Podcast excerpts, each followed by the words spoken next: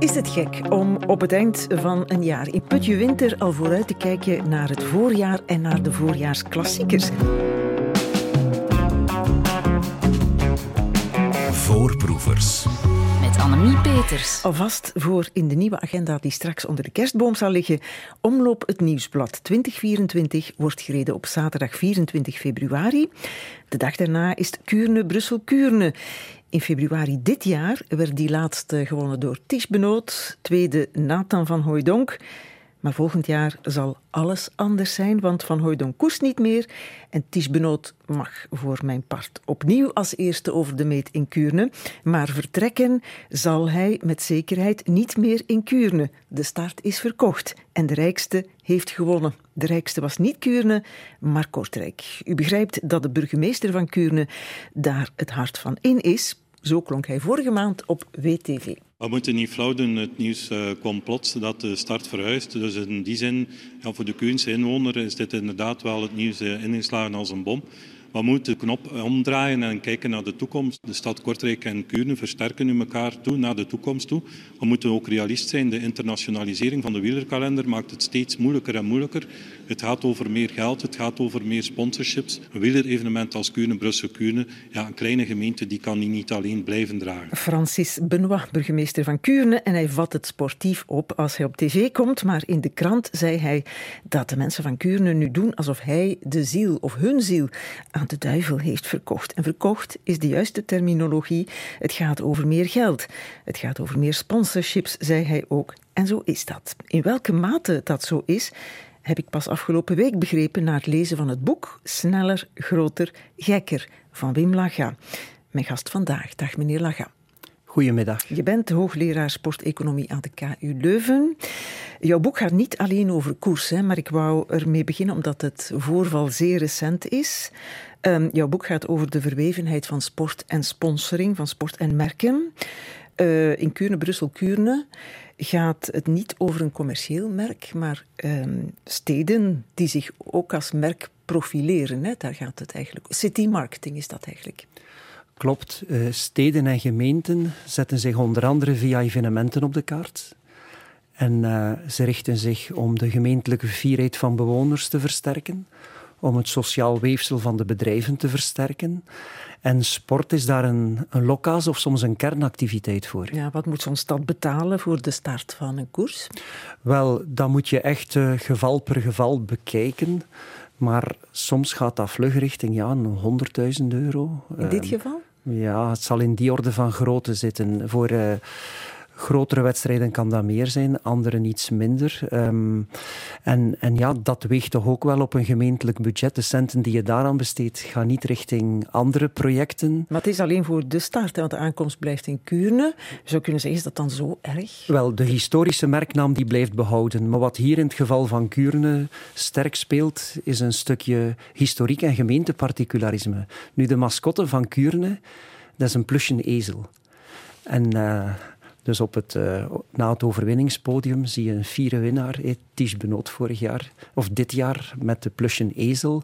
Maar daar gaat een verhaal aan vooraf. In lang vervlogen tijden, voor dag en dauw, trokken de Kurense koopmannen met hun ezels en getooid met de koopwaar richting de grote rijke stad. Maar het stadsvolkje steigerde eigenlijk bij het gebalk van de beesten. En als geuzennaam hebben dan de vier Kuurnenaars zichzelf tot ezelsgemeente uitgeroepen. Dus dit speelt. Maar als sportmarketeer natuurlijk vind ik wel dat in plaats van een startplaats op een grijze, troosteloze doordeweekse Brugse steenweg, die die zondagochtend wel koers kleurt, juich ik het wel toe dat we onder de broeltorens gaan starten en dat het merk weer verder gestretched wordt en een upgrade krijgt. En ik vind wel dat hier een mooie compromis uitgedokterd is, wat de burgemeester toch ook beaamt. Hè? Ja, het is waar. Ik wou al zeggen, straks is die ook kwaad op jou als jij zo uitgesproken meningen hebt. Maar hij houdt de aankomst nog altijd. En ik denk dan, ja, de mensen gaan na de koers toch de plaatselijke horeca bezoeken. Dat, heeft, dat voordeel heeft hij toch nog altijd. Nee, en de roepnaam van de wedstrijd is en blijft Kuurne. Ja. Het wordt gedragen door Kuurnenaars. Ja. En ja, net zoals Gent-Wevelgem ook niet in Gent start is het ook Gent-Wevelgem met startplaats in Yper in Flanders Fields. Ja, ja je was blij dat ik met dit voorbeeld wou beginnen. Het staat niet in jouw boek, hè. het is te recent, maar het ligt jou na aan het hart. Waarom? Wel, um, ik heb een verleden als jeugdwielrenner. Dus ik heb eigenlijk eh, tussen mijn veertiende en mijn achttiende 248 keer rugnummers opgespeld. En um, ja, een van mijn jours de gloire was niet dat ik Kuurne gewonnen heb, maar in het afwachtingscriterium 1982 in Kuurne heb ik tweede gefinished met vijf renners naar de meet. Aan de braquet van de eerste blijven hangen. Maar bon, heel fier op mijn tweede plaats. En het voelt vandaag nog altijd als een overwinning aan. En staat ook geboekstaafd in sneller, groter, gekker. Dus ik vind dat wel een leuke. Proficiat. Dank je. Onder andere voorbeelden. En nog een anekdote. Wielrennen was toen superklein. En werd toen nog georganiseerd vanuit een bijkeukentje van een café, denk ik. En had u mij toen gezegd dat 40 jaar later dat fans tussen de bussen van de Emiraten, Ineos, Israël enzovoort zouden wandelen en het, het circus zo gegroeid zou zijn, had ik mijn eigen ogen niet durven geloven. Dat was toen een klein afwachtingscriterium. wedstrijd wel zelfs nog een ronde ingekort, omdat de grote jongens in een massasprint uh, Kuurne binnen denderden. Toen nog aankomst in de smalle Kerkstraat, hé, lukt ook al jaren niet meer. Het is dat ook wat die burgemeester zegt, hè? traditie moet je bewaren. En bij ons kun je nog de, de renners een hand geven voordat ze vertrekken en zo. Dat, Klopt, maar, maar, maar, vandaag kan je ook al niet meer tussen de vluchtheuvels van die smalle Kerkstraat in Kuurne, dus ook daar waren al zaken gewijzigd. Hè. En ik zou zeggen voor de wielerquisters, Gregor Brown won voor Eddie Plankard en Sean Kelly. Terwijl ik stond uit te hijgen naast mijn ouders en broers en zussen dus. We mogen niet in Kuurne blijven hangen, want dan komen we niet toe aan de honderden andere verhalen in jouw boek over de verweving van sport en geld, hoe ze compleet en nagenoeg altijd verweven zijn. Laten we er een handvol boven halen. Sneller, groter, gekker, zo heet het nieuwe boek van Bim Laga en het vertrekt vanuit deze vaststellingen. De essentie van topsport is competitie, altijd de beste zijn. De zakenwereld streeft datzelfde doel na. Bijgevolg kunnen sport en business het erg goed met elkaar vinden. En verbinden merken zich bijzonder graag met de successen van atleten en hun teams. Merken zijn ook steden en gemeenten die willen ook graag een sportief imago. Het voorbeeld van Kuurne-Brussel-Kuurne, dat vandaag eigenlijk Kortrijk Kuurne zou moeten heten, is geen uniek voorbeeld, meneer Laga. Dat getrek en gesleur vind je in, rond elke, elke Vlaamse koers. Je noemde al uh, Gent-Wevelgem. Dat gaat van start in Ieper. Je hebt er nog, hè? Ja, zo'n heel leuk voorbeeld. Uh, vroeger een kleine woensdagmiddagwedstrijd. was een kermiskoersje. Nokere, Nokere koersen. Die starten in Deinze. Deinze maakt ook mooi werk van die startplaats, maar vooral Nokere is zo'n gehucht met een sterk sociaal weefsel, maar 893 inwoners, denk ik. Maar die, die woensdag zitten daar 3000 VIP's, die in diverse geuren, kleuren en formaten van diverse Bourgondische pakketten en een beetje koers genieten. En dan zie je ook, ja, het businessmodel achter die koers is dat eigenlijk voor 85 procent, denk ik, dat bedrijven de koers financieren, maar dat wel de inbreng van startplaats Deinze, aankomstplaats Nokere-Kruisem ook, ook wel belangrijk is. En wat organisatoren ook soms wel vergeten, is dat gemeenten in ruil in natura ook een belangrijke inbreng hebben. Hè. Beveiliging, de dranghekkens, et cetera, et cetera. En dat wordt soms wel onderschat ook in het verhaal. Je ziet heel goed wat uh, de VIP's inbrengen als je naar de Ronde van Vlaanderen kijkt. En al die VIP-tenten ziet, dat zijn er bijzonder veel. En er komt veel geld van die VIP's. Maar je zegt het, hè, in Natura brengen die gemeenten ook veel in. En dat is wel belastinggeld, hè, wat, wat er wordt in de koers gestoken. Wanneer is dat niet meer verantwoord, vind jij? Wel, dat is inderdaad een evenwichtsoefening waar eh, in de gemeenteraad dat men met een heldere meerderheid daar ook beslissingen moet over nemen. Want voor uw merkuitstraling zijn sportevenementen belangrijk, maar die middelen kunnen ten koste gaan van een Finse looppiste of speelpleintjes. Dus daarom is dat heel belangrijk dat daar ook een, recreatieve toertochten aangekoppeld worden. Op zijn minst een dameswedstrijd of een internationale wedstrijd voor jongeren. Nokere start op vrijdagavond de VIP-tent en staan er dan met um, een after-work party, die ze op zijn nokers een Grand Canaar noemen. Dus, maar dat merk moet je dan kunnen stretchen over een volledig jaar. En dan wordt die kost ook iets meer behapbaar. Ja. Maar het blijft een lastige evenwichtsoefening, omdat de wielersport ook zo sterk groeit en de bedragen dagelijks groter worden. Mhm. En we hebben het nu over koers, maar het gaat op voor alle sporten wel. Het geldt voor alle sporttakken. zijn ja. zeer geïnteresseerd in alle sporten. Hè. Eh, Het voetbal, tennis, wielrennen, veldrijden ook. Hè. Formule 1 zeker. Het merk maakt de sport en de sport maakt het merk ook. En je kan het ook omkeren. hè. Sport op het hoogste niveau kan onder andere ook, of is mogelijk, door veel geld van sponsoring en van televisierechten. En laten we eens kijken naar atletiek. Het heeft iets logisch ook, want sport heeft alles wat mensen graag hebben. Hè. Heeft eh, drama spanning, emotie, helden ook. In de atletiek is dat eh, het zichtbaarst, vind ik wel. Als ik zou lopen, wat ik niet doe, en ik zou schoenen moeten kopen, en ik heb geen tijd voor een vergelijkende studie, dan kies ik Nike. Dat is waar ik alle grote mee zie lopen. Oké, ja. En, en dat is eigenlijk ook waar, die, allez, bon, waar het merk Nike groot op geworden is. Inzetten op bekende gezichten. Ja, het is een wonderbaarlijk verhaal, hè, dat van Nike. Ik weet het omdat ik het in jouw boek heb gelezen. Met een van de hoogtepunten, laten we daarmee beginnen, op 12 oktober 2019. Through hard work and discipline, he's pointing. Come on, he says. Eliud Kipchoge has the hand of history on his shoulder. He has less than 200 metres to go. Eliud Kipchoge, let's keep an eye on the clock, into the final 20 seconds. Eliud Kipchoge. Whoa! On his shoulder, 140, 140, the unofficial Oh, time. there's his wife. Elliot, Elliot Kipchoge storms into the history books in Vienna. 159.40, the unofficial time.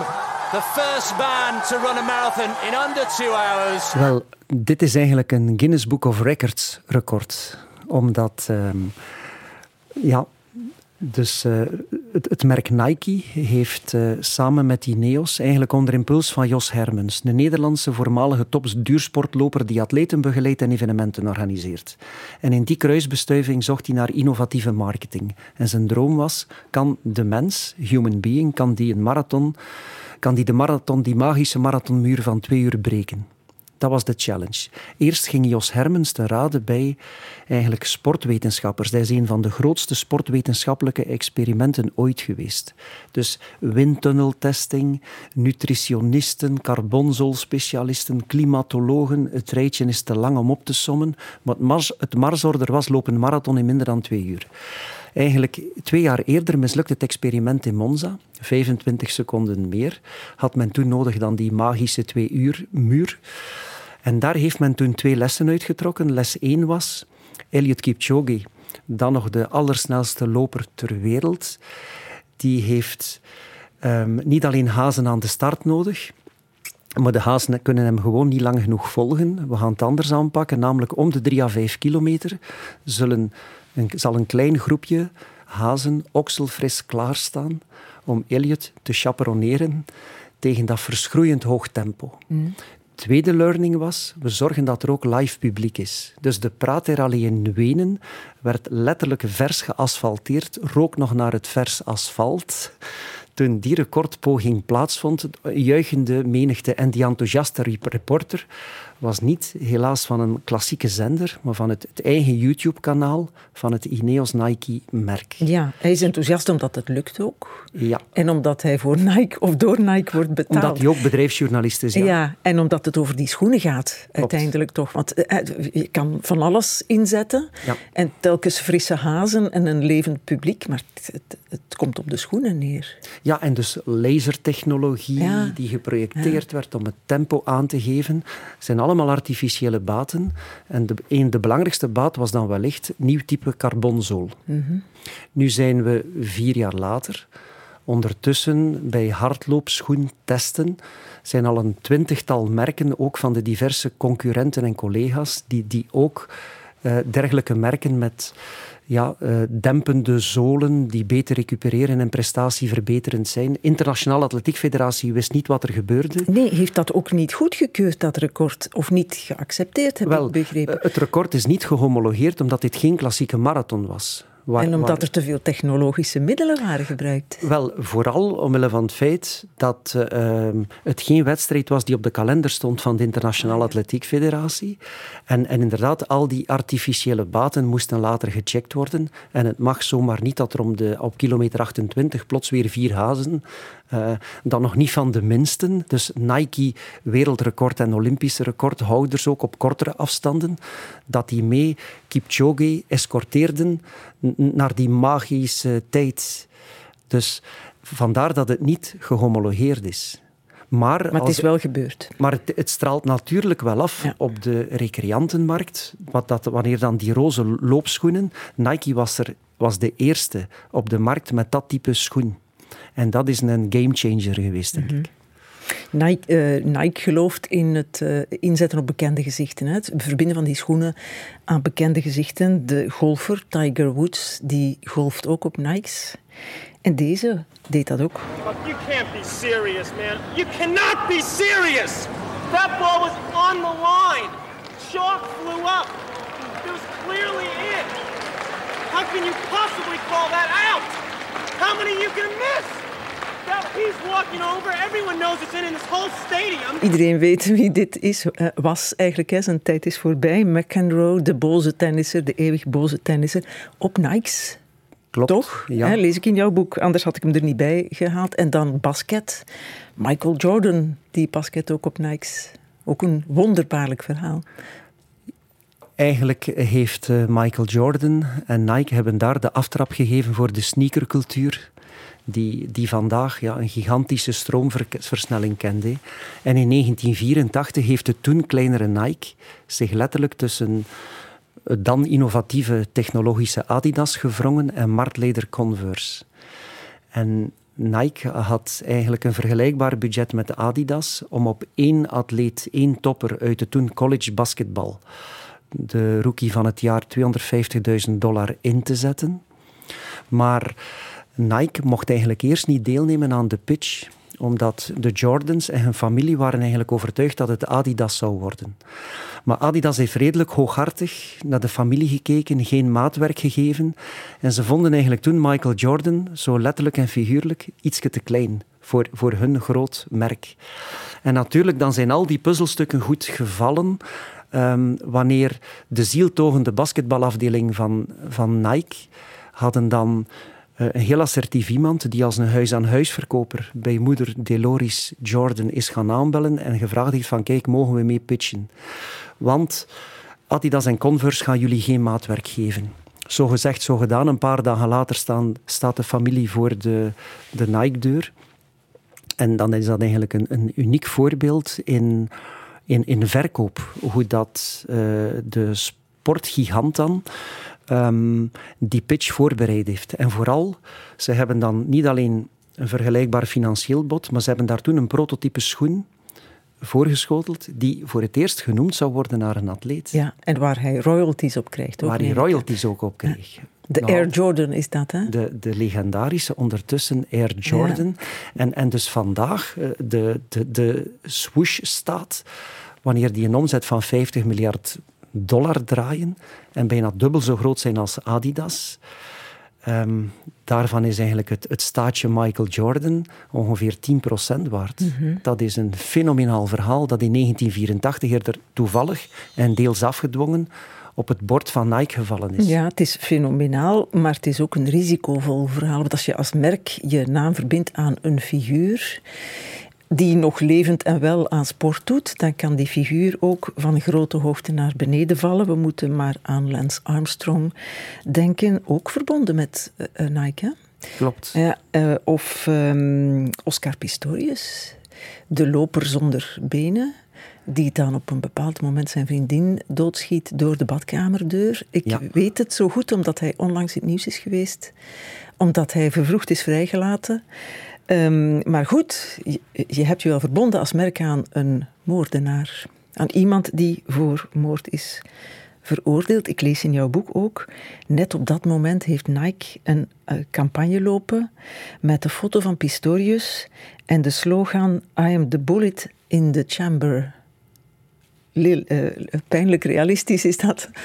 Ik denk een pijnlijker voorbeeld van een inhakadvertentie of inhakcampagne kan je niet bedenken. Nee. Wat daar toen op Valentijnsdag 2013 gebeurde is, tart, allez, bon, is, is is extreem dramatisch. Maar het heeft Nike geen pijn gedaan, want Nike is nog altijd het merk waar ik naar zou grijpen, toch als ik schoenen zou moeten Voilà, die hebben dan die campagne onmiddellijk ingetrokken. En die zoeken soms ook controverse op. Ik wil naar een ander voorbeeld uh, dat ik eerst ga laten horen. Colin Kaepernick refused to stand during the national anthem before Friday night's game. Well, some people are calling him shallow, ungrateful.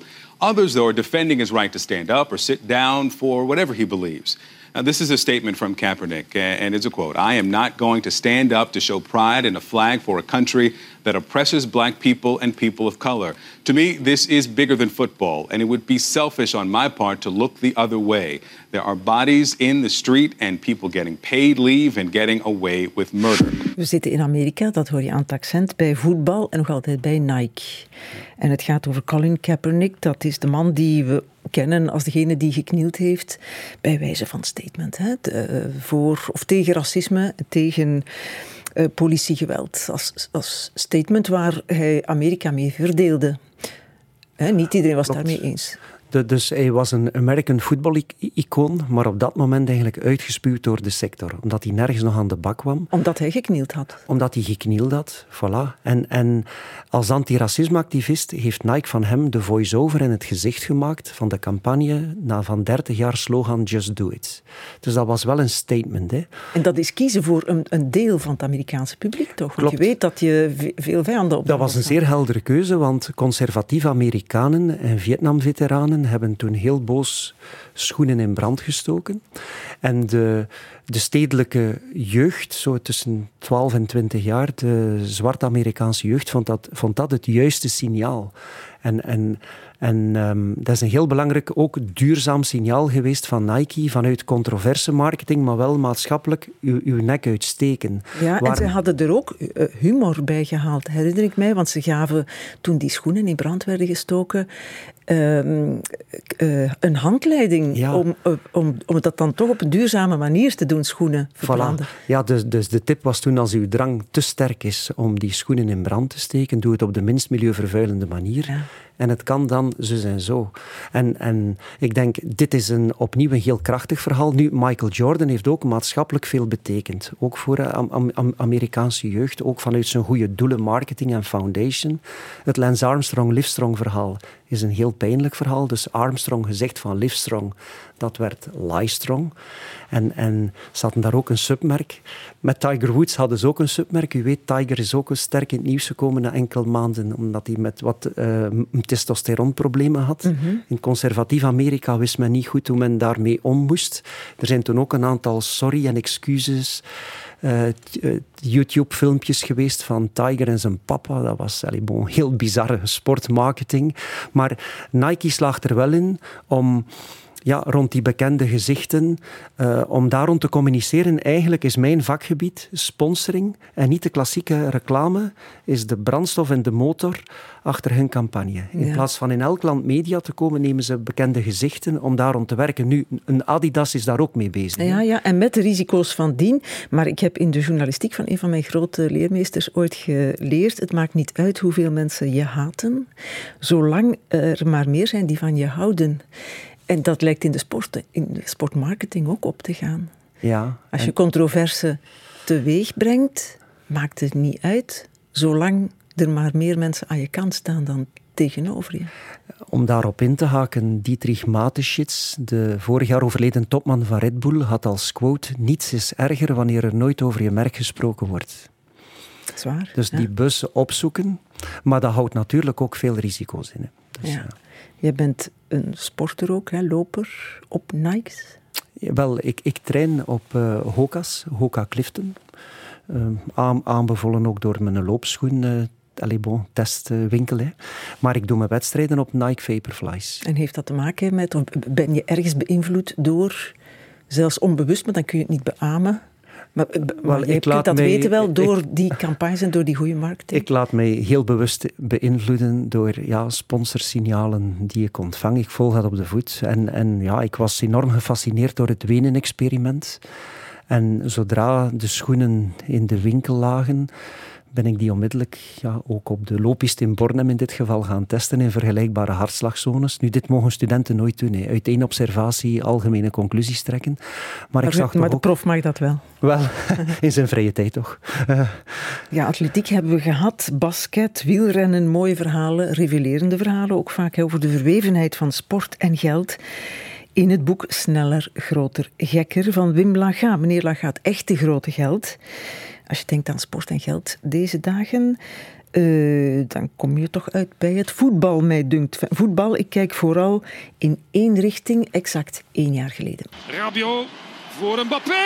En Mbappé neemt over. Het is 2-2. Het is 2-2. Kijk eens aan, Kylian Mbappé.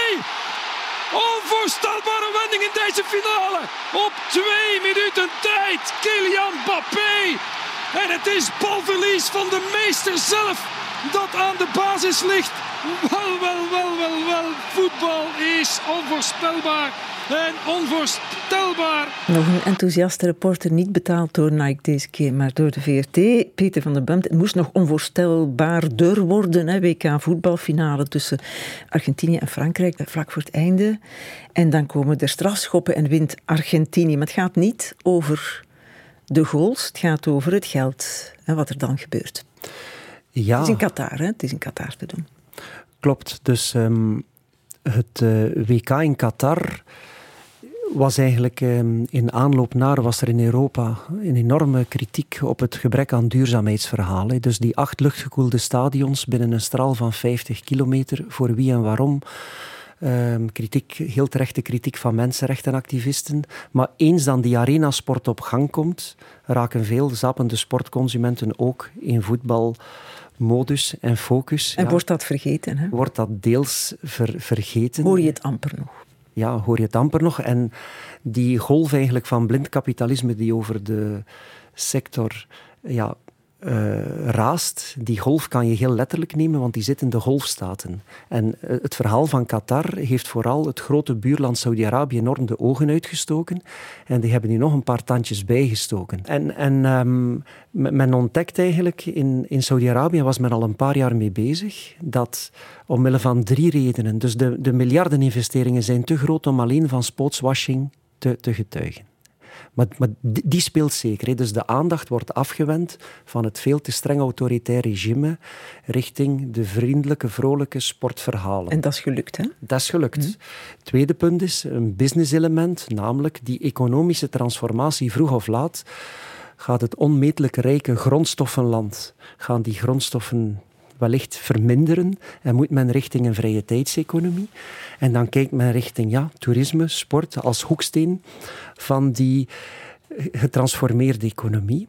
En derde punt is eigenlijk ook geopolitiek. Men maakt zich geopolitiek veel meer acceptabel via sport, wat ook weer een vorm van sportswashing is. En als sporteconoom, sportmarketeer, kan ik het tempo van de nieuwe deals die Saudi-Arabië de jongste vijf jaar sluit gewoon niet bijhouden. En uh, milieuactivisten zeggen Saudi-Arabië is nog erger dan Qatar, voilà. want daar is het nog warmer. Ja. Om de, maar één ding te zeggen. Ja, daar wordt dus nu al Formule 1 s'nachts gereden. Letterlijk overnight is daar een, een gloednieuw circuit aangelegd, maar bijvoorbeeld de e-sport, boksen, alle grote evenementen gaan richting Riyadh, Saudi-Arabië. En dat is een hele vreemde, heel kapitalistische ontwikkeling waar ik met heel grote ogen zit naar te kijken en waar ik voorlopig eigenlijk geen antwoord op heb. Het is wel een gamechanger. Het is veel agressiever en veel groter dan Rusland 15 jaar geleden of dan China ook 10, 15 jaar geleden. Die nieuwe speler staat daar. Sportvormen zijn heel opportunistisch, komen meestal altijd geld tekort en kijken richting Saudi-Arabië. -hmm. uh, we moeten daar ook een Belgisch verhaal vertellen, dat ook in jouw boek staat, het verhaal van de Rode Duivels. Hè? Dat, is, dat speelt zich af in Qatar. Ze blijven niet lang in de game, wat wel uh, jammer is voor de marketeers en voor de sponsors. Um, en dat zijn er veel van de Rode Duivels. McDonald's zit daarbij, denk ik, toch? Hè? Ja, ja klopt, klopt. Uh, BMW ook. 14, 14 partners, ja. Slogan rap, rap, rap aangepast toen ze ja. eruit werden geknikkerd. Ja. Um, en Qatar mocht onder vuur liggen, maar die merken verbonden toch ook heel graag hun naam aan de Rode Duivels. Hè? Dus alleen van de belangrijkste partners, alleen Adidas heeft relaties naar Qatar gestuurd, want dat is toch wel een belangrijke. Nike ging al veel over de tong, maar Adidas is sinds jaar en dag grote sponsor van belangrijke evenementen. En het was vooral een Adidas gebeuren, die finale ook, en ook bij grote evenementen. Maar andere partners in Europa wisten echt niet goed hoe ze met dit Qatar-verhaal moesten omgaan. Nee, Belgische partner, nee, dat speelt zich af ehm, een paar jaar eerder in Rusland, WK Rusland 2018. Toen sprongen ze er ook op, toen had je die stunt van AB InBev. Het Belgische biermerk bij uitstek Jupiler heet de komende maanden Belgium. Een stunt is dat van brouwer AB InBev voor het WK voetbal in Rusland. De Rode Duivels, maar ook de broers Borlée en de Red Flames zullen in tv-spots iedereen oproepen om mee te supporteren. Een ogenschijnlijk dure campagne, maar het bier zelf wordt niet duurder, belooft de brouwer. Dat was een voorbeeld van goede marketing, hè? van goed gezien toch? Wel, dit was wel een hele zware merchandising campagne om dus ja, alle assets, uh, alle producten aan te passen aan Belgium voor een maand of vijf. Sportief zijn de puzzelstukken goed gevallen, want je neemt dan ook wel weer een risicootje, omdat in Rusland de Belgen heel goed gepresteerd hebben. Nu, ik herinner me wel een, een toen tweet van Michel Maus, de fiscalist, die zei dit vind ik wel een beetje fiscaal sarcasme, dat een multinational zijn liefdebeleid voor Belgium maar tegelijk wel zich ook specialiseert in fiscale spitstechnologie. Dus je moet soms ook het marketingverhaal, kan je ook nog eens anders bekijken. Maar dit is een heel mooi, succesvol sportmarketingverhaal geweest. En de Belgen geraken in Rusland tot in de halve finale, als ik me goed herinner. Dus dat was een goede gok geweest, ook en beter dan die in Qatar voor de Rode Duivels. Toch nu die zogenoemde gouden generatie van die duivels heeft marketeers wel heel veel gegeven. Hè? Dat is een merk op zich geworden, hè, die duivels. Dat is een merk op zich geweest. En in Peking 2008, als beloften min 23ers, stonden daar plots Vincent Compagnie, de jonge Jan Vertongen, de jonge Toby Alderwereld. En men voelde, er broeit daar iets. Er zit daar heel veel sportief talent. En ik herinner mij dan de Stichting Marketing van 2012 dan werd het product al marketingtechnisch beter verpakt. En de marketeers mochten toen een top 5, een shortlist aanwijzen van voor hen vijf belangrijkste producten dat jaar. Dus Tomorrowland was toen net uit de lichtrode cijfers en begon te komen. Webshops Zalando, 3D-printing, Rode Duivels en jawel, mediafenomeen Astrid Bryan kozen de marketeers voor de top 5 en de Rode Duivels hebben het toen gehaald. Mm dus op die ranglijst 2008 Barack Obama, iPad, Google Street View, maar dan ook Rode Duivels als marketingproduct. En dat vond ik wel mooi. Ja, en dan krijg je deze als, uh, als heldin. Hè? Dag iedereen. Wij dagen jullie uit om voor de wedstrijd België tegen Nederland België helemaal rood te kleuren. Als jullie, ah, als jullie erin slagen, dan gaan wij ook drie duivels helemaal rood kleuren. Wacht even. Maar dan ook helemaal rood. Succes. Svensson Compagnie, die supporters aanspoort om op tv... Uh, nee, hij doet dat op tv, op sociale media ook, om allemaal rood te kleuren in de aanloop naar de Interland tegen uh, Nederland, is dat dan, hè? 15 augustus 2012. Dat is nog in de aanloop naar die WK. En dat is eigenlijk ook een sportief kantelpunt geweest. En heel interessant is, drie jaar eerder dat merk Rode Duivels kregen de marketeers niet aan de straatstenen verkocht. Ja. Die sponsorpakketten met stond nummer 60, 70 tussen dwergvoetballanden. Mm -hmm. En dan heeft, hebben de Belgen denk 1200 dagen nummer 1 op de wereldranglijst gestaan. Ja. Dat is toch wel uniek. En sponsors letten ook op de resultaten. Ik las pas in de krant een paar dagen geleden dat Puma, ook een sportartikelen, uh, volgend jaar stopt met sponsoring van het Israëlisch voetbalelftal. Dat zou niks met oorlog te maken hebben, maar wel met het feit dat ze al ik weet niet hoe lang zich niet meer hebben weten te plaatsen voor het WK voetbal. Ik geloof dat als ik dat lees, omdat ik daar niet kan doorzien. Geloof jij dat ook? Wel, ik, ik, mijn eerste reactie was van, hmm, is dat hier geen wollig, wat afgelekt persbericht? Die zo vanuit een headquarter als, als ja, geen goed nieuws show, maar zo, we, we, we redden ons vel show verkocht wordt. Want toen in 2018 Puma in zee ging met het Israëlisch voetbalteam, werden ze onmiddellijk, zijn ze constant belaagd geweest door activisten. Dat is alleen in stroomversnelling gekomen. Dus, dus ik, ik vermoed, allez bon, er is wel een zekere coïncidence. Het is te toevallig om nu met het communiqué af te komen, denk ik. Is het apropos gebruikelijk om uh, sponsorbudgetten geheim te houden? Om niet te zeggen over hoeveel dat gaat, want daar wordt veel rond gegist, maar je weet eigenlijk nooit, nooit hoeveel het precies is. Zo'n Messi, wat die van Adidas levenslang, meen ik te weten, krijgt. Wat is dat bijvoorbeeld? Ja, afhankelijk ook weer van hoe je het meet, die levenslange contracten. Ik ga van zijn tegenhanger een voorbeeld geven, Cristiano Ronaldo. Dat was dan een Nike-contract. Daar wisten we ehm, 100 62 miljoen dollar over 10 jaar. Maar die contracten nemen altijd maar in waarde toe. Maar dat bedrag kennen we nu dankzij Den John, niet die van Astrid Bryan, maar Rui Pinto, de ethische hacker van Football Leaks, die daarvoor in de gevangenis beland is. Dat is onwaarschijnlijk wat die man allemaal naar boven gespit heeft. Maar nogmaals, strategie blijft echt binnen kamers. Dus wanneer Puma afscheid neemt van Servië en Israël, kunnen daar ook sportieve motieven bij spelen, maar er gaat er altijd een mix aan motieven spelen. Maar strategie is binnenskamers. Find hurt mit, de concurrent luistert mee. En die bedragen kunnen heel gevoelig liggen, waar klassieke reclamecampagnes, de bruto-bedragen in alle, door alle mediacentrales gedeeld worden, is dat niet het geval bij sponsoring. Omdat sponsoring soms de ogen uitsteekt bij relatiegroepen. Of bij de vakbond, kan ik ja, mij voorstellen. Of de werknemers die al langer een betere kantine vragen, of vakbondsafgevaardigden, en plots worden, ja, rijke luis sporters krijgen nog eens een extra sponsor cadeau. Dat wordt zo gelezen. En heb jij dan ook geen zicht op hoe de vrouwen bijbenen? Want je ziet ze bijbenen in beeld. Vrouwensport wordt veel meer verslagen. Volgen de sponsors ook? Eh, businessmatig zijn vrouwen helemaal niet aan het bijbenen. Dus het glazen plafond in de sport is, is vijfdubbel gelaagd. Uh, Zo'n Kopecky bijvoorbeeld, die dan ook recent nog twee prijzen heeft gewonnen, die moet toch wat binnenhalen van sponsors? Wel, in, in een normaal economische sector verdienen vrouwen in vergelijkbare carrières 5% minder dan mannen. De wielrenster Kopecky, of de gemiddelde wielrenster, verdient 1 achtste. Dus de man verdient maal 8. Maar dan is wielrennen nog behoorlijk gendergelijk. In sommige sporten, om, om voetbal en basketbal niet bij naam te noemen, is dat maal 60, maal 80, maal. Dus dat is... Tussen mannen en vrouwen. Tussen mannen en vrouwen. Mhm. En waarom is het veldrijden zo populair bij uh, sponsors? Want dat is toch zeer lokaal zou je kunnen zeggen. Maar je hebt de wereldbeker, wereldbeker genoemd, maar dat speelt zich af in Vlaanderen, in Hulst, in Hogerheid was ook vlakbij. Ja, maar ook wel in Troyes en Val di Sole. En in Benidorm. In, Benidorm. Ja, voilà. Waar we dan ook boarding van Powell en Etias enzovoort zien. Dus... In Amerika ook natuurlijk. Ja, maar ja. daar gaan ze toch geen Powell kopen? Dat is nee. daar niet eens te kopen. Nee, dan voel je, dit is een Vlaams format dat, dat geëxporteerd wordt naar andere regio's. Maar het is een succesvol verhaal van eigenlijk twee spannende formats voor de prijs van 1,3. En ik, ik, prijs mij als sportmarketeer gelukkig vandaag dat daar een gendergelijke media-aandacht is. Dus je eh, krijgt dus vrouwen en mannen format voor, dat bedoel je met twee voor de ja, prijs van één? dus straks herentals, morgen namen. Ja. En dan ga je zien dat we eerst voorbereiding, wedstrijd dames, nabeschouwing, voorbeschouwing mannen, wedstrijd dus.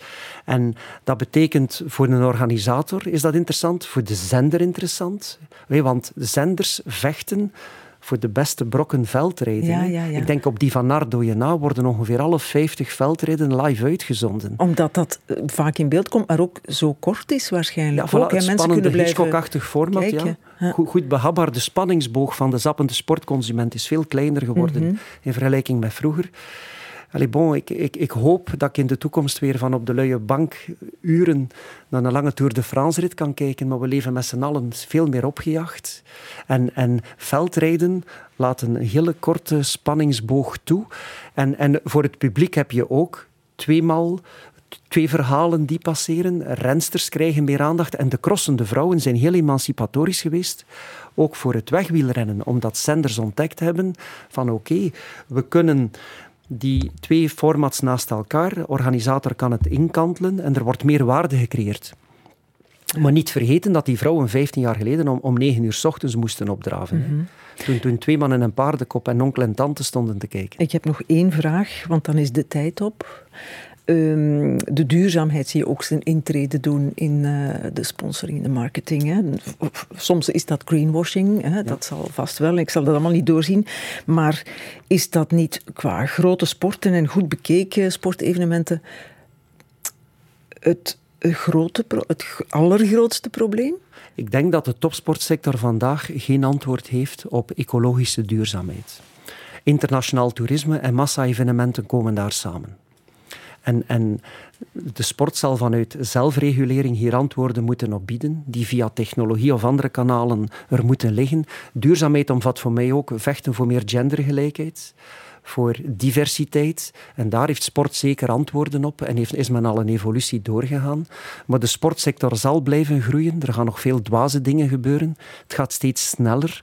Ja. Maar we gaan en masse toch nog altijd met vliegtuig naar grote evenementen kijken. Omdat dus, of met kampers bijvoorbeeld naar de Tour de France, wat ook niet bepaald duurzaam te noemen Omdat dus wat sport een magneet maakt, het is ongeveer de laatste real-time burcht waar ook zenders voor vechten. We gaan met z'n allen veel meer uitgesteld kijken, luisteren enzovoort. Maar real-time sport, omdat het zo spannend en onvoorspelbaar is, dat wil je hier en nu meemaken. Mhm.